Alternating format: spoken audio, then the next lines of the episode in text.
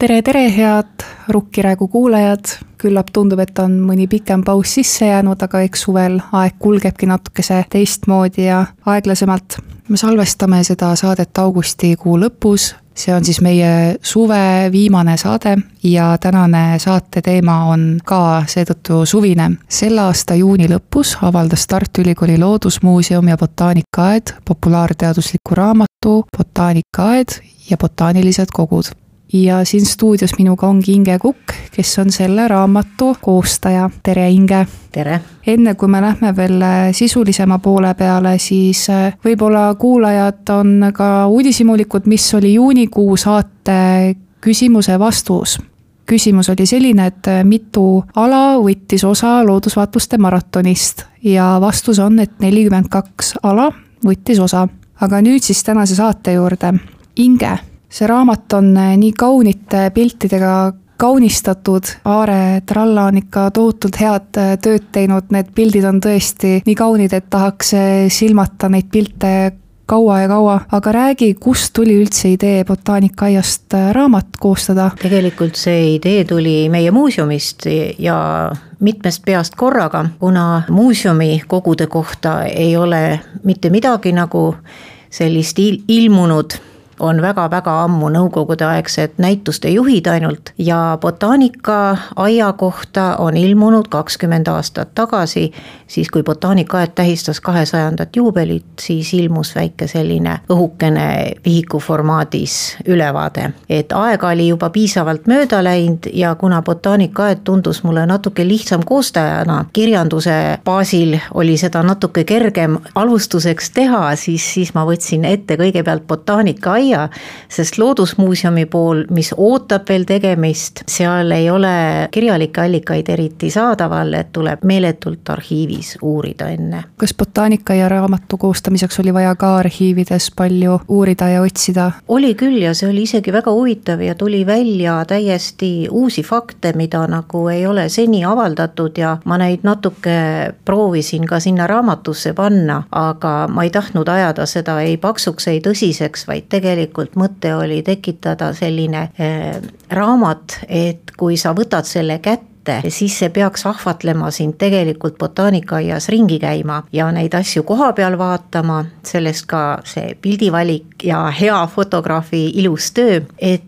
ta oleks nagu kergem lugejale, selline rohkem selline laia tarbe ja isu tekitamise raamat. aga mida siis raamatust täpsemalt lugeda saab ja sa mainisid juba, et sa korjasid välja ka mingid põnevamad faktid, äkki sa nimetad ka mõnda? No üks äh, põnev fakt oli näiteks arhiivist, mis ma leidsin, alati on noh, hästi palju on räägitud botaanikaaia Krause-aegsetest ehitustest, et see on siis botaanikaaia algusaastad. aga kui juba aastakümneid oli sellest esimesest perioodist mööda läinud, et siis äh, vene keisrinna kinkis äh, kakssada kuuskümmend kolm troopilist taime, enamus orhideed ja no selleks siis tuli kasvumaja eraldi ehitada, et esimene troopikataim taimede kasvumaja siis, et need taimed kuskile paigutada ja noh, loomulikult siis keisrikojast kuraatori kaudu siis see raha ka väga kiiresti tuli, et see kasvumaja püsti saaks panna. see oli siis tuhande kaheksasaja kahekümnendatel aastatel saadi kingitus ja selle järel siis ehitati uus kasvumaja. ja kas see oligi troopikaala nii-öelda alge. jaa, see oli troopikaala alge, sest eh, noh, ilmselt troopilisi taimi oli ka selles suures kasvumajas, selles Krause-aegses kasvumajas, aga seal oli probleem selles, et eh, esimene projekt oli küll väga uhke, eh, esiklaaspind oli kaldu lõunaküljele pööratud, uhke kaarduv katuse räästas keerdus siis sinna selle klaasseina peale Krausel oli ehitatud äh, kummalgi kasvumaja tiival vaheseinad ja katus ei olnud klaasist, vaid oli läbipaistmatu ja selgus, et ikkagi taimedel on seal pimedavõitu, nii et siis viiskümmend aastat hiljem hakati siis totaalselt ümber ehitama, tehti siis klaaskatus ja see kaldpind tehti vertikaalseks siis. Et asi oleks nii-öelda lihtsam, sest talveks pandi kõikidele nendele klaasseintele topeltaknad peale kas sul on, Inge, veel mingeid põnevaid fakte jagada? jah, ja väga-väga põnev fakt oli ka see, et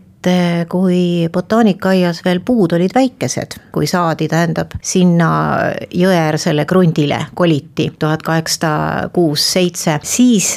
tehti siis vaateplatvorm sinna ja, ja ma leidsin väga toreda gravüüri mis on siis, kujutabki seda vaateplatvormi, aga tuhande kaheksasaja kolmekümne kuuendal aastal lõhuti see platvorm ära, sest öeldi, et enam ei ole midagi vaadata, et puud on nii suureks kasvanud. Väga huvitav, aga mida veel botaanikaaia raamatust lugeda saab? seal saab vaadata, kõigepealt on noh, nagu üldine ajalooline ülevaade aga mõte oli ka see, et mitte seda väga nii isikute keskseks teha, sest väga palju kuulsaid professoreid, botaanikuid on olnud, eriti üheksateist sajandil, botaanikaaia juhid ka ühtlasi. et see isikute osa on nagu tagasihoidlikum ja ainult mõned väljapaistvamad nimed on esitatud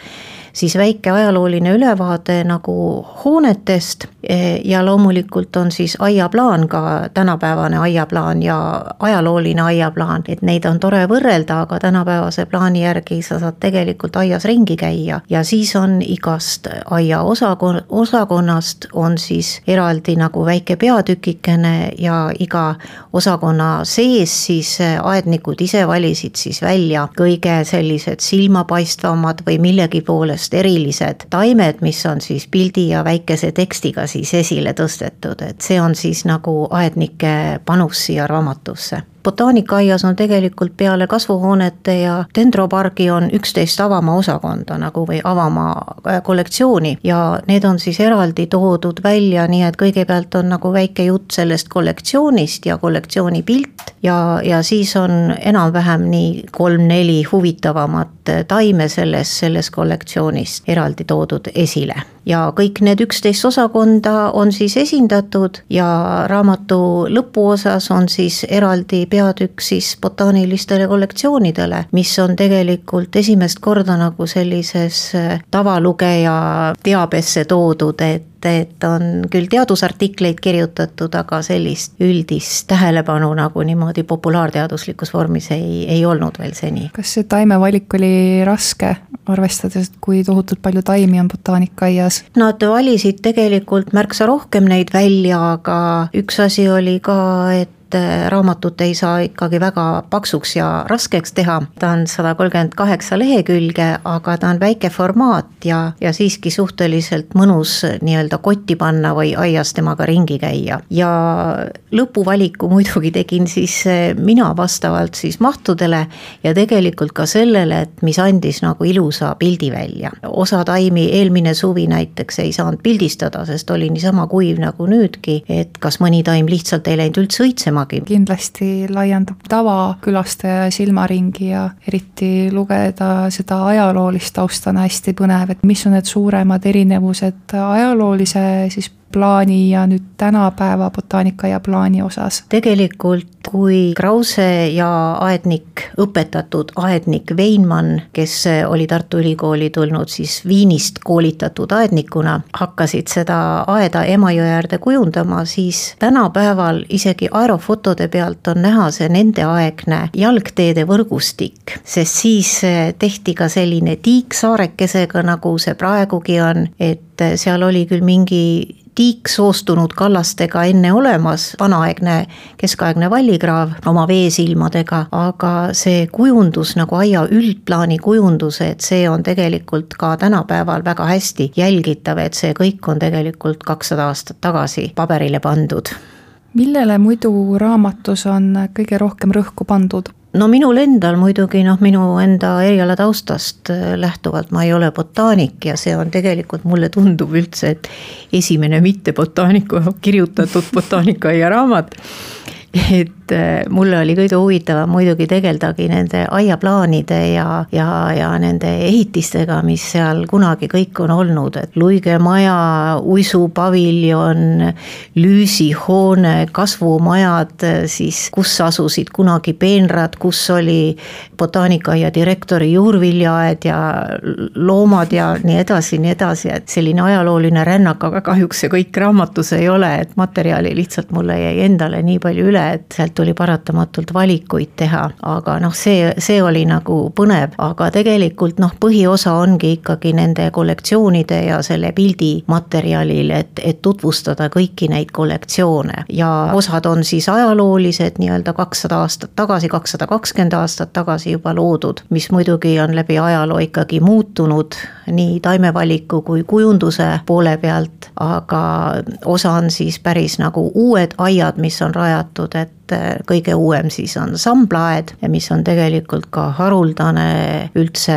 botaanikaaedades, et kuigi sammaltaimed ise on maailma kõige vanemad peaaegu, siis äh, eraldi nagu samblaaedasid on väga-väga-väga vähe. kuulajad kindlasti tulge Tartu Ülikooli botaanikaaeda avastama samblaaeda, see on tõsiselt äh, maagiline ala minu arvates Inge, kui kaua võttis aega kogu raamatu toimetamine ja kokkupanek ja mis olid kõige keerukamad ja mis olid kõige vahvamad ülesanded? No minu jaoks kõige vahvam oligi muidugi arhiivitöö, sest äh, ajaloolasena noh, mulle väga meeldib tegelikult arhiivis istuda ja, ja neid äh, asju lugeda, uurida ja neid plaane leida. sealt oli ka toredad leiud tegelikult, ma leidsin sealt ühe trükipildi, mida siis ka raamatusse sai, sai reprodutseeritud, mis siis kujutas siis äh, tuhat kaheksasada seitsekümmend kaks rajatud botaanika muu-, muuseumi eelkäijat nii-öelda nimega botaanika kabinet kabinet, et milline see sellel ajal ikkagi välja nägi üheksateist sajandi lõpul, et noh, see niisugust pilti nagu ei, ei olnud siiamaale nagu säilinud, ei, ei teadnud, et noh, see oli päris, päris tore, et kuidas valgetes kappides olid siis herbaarlehed välja pandud, seintel olid herbaarlehed ja siis olid noh, töölauad, kus siis ilmselt siis äh, uuriti ja, ja olid mikroskoobid ja niisugune teadustöö, et teadus ja muuseum oli siis nagu ühes ruumis, aga selline väga tore leid ja muidugi tore leid oli ka eh, mida ka kahjuks ei saanud raamatus kasutada, olid need läbi ajaloo muutuvad reeglid, kuidas pidi külastaja botaanikaaias käituma ja mis sa teada said? et algusaastatel oli väga suur probleem see, et kuna botaanikaaial ei olnud igal pool ümber kivimüüri, vaid eh, jõepoolne külg ja praegu siis Kroonoaia poolne külg oli siis lattaed, kust oli siis kerge üle tulla ja võtta siis labidaga kaevata välja taimi ja murda oksi ja see oli nagu tõsine, tõsine probleem siin. Et et ja siis kehtestati ka reeglid, et kuidas siis peab siis käituma botaanikaaias ja need olid nagu päris lõbusad lugemised tegelikult, kui botaanikaaia juhataja siis noh, kaebab ülikooli juhtkonnale siis, et milline, milline õudne kord seal, seal linnarahva poolt siis, millega nad tegelema peavad, et nad ei saa pühenduda nagu taimedele ja teadusele, vaid, vaid nad peavad tagasi tõrjuma sealt ka seda, seda linnarahvast. no üks asi oli ka jah, et, et loomad jooksid vabalt, kippusid sisse tulema nagu. aga kas siis lõpuks leiti lahendus nendele vargustele ja taime kahjustamistele? kohtutoimikutes on küll kirjas jah, et kui ikka keegi kätte saadi, siis eh, läks ikka kohtu alla kohe, et ja väga noh, suur probleem alguses oli ka tööjõuga tööjõud ise ka ei olnud eriti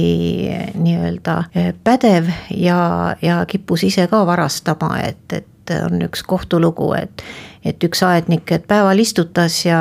õhtupimeduses siis kaevas needsamad asjad välja ja müüs linna peale ära ja siis tema kodust saadi siis kätte mingi jagu neid mingeid haruldasi taimi. aga Inge, räägi veel seda, et kust raamatut soetada saab raamatut saab soetada botaanikaaiast endast, botaanikaaia kassast, siis ülikooli loodusmuuseumist Vanemuise nelikümmend kuus kassast. Ja see peaks nüüd müüki minema ka ülikooli suveniiride müügipunkti Inge, kas sa tahad veel midagi lisada raamatu kohta? no tegelikult jah, see väga palju tööd on siin teinud ka kunstnik Maarja Roosi, lisaks fotograafile Aare Trallale ja noh, meie nii-öelda kolmene ühine tandem et eh, me, me päris, päris eh, toreda tulemuse tegelikult eh, saime, sest Aare Tralla tegelikult tegi tuhandeid pilte ja see valik valida sealt siis need mõned kümned välja, mis siis raamatus on esindatud, et need olid päris, päris raske kunstnikul see valik teha, tundusid nagu kõik ilusad see kindlasti oligi vist üks raskemaid osi ka protsessi jah, käigus. seda kindlasti. me võimegi sellega tänase saate otsad kokku tõmmata, küll aga äkki tahad küsida ühe huvitava küsimuse saate kuulajatele? Eh, ma küsiksin jah, sellesama vaateplatvormi kohta. kus koha peal see botaanikaaias asus? sellele küsimusele saab vastuse järgmise saate alguses. aitäh saatesse tulemast, Inge! aitäh Kuulmiseni, rukki rääkimiseni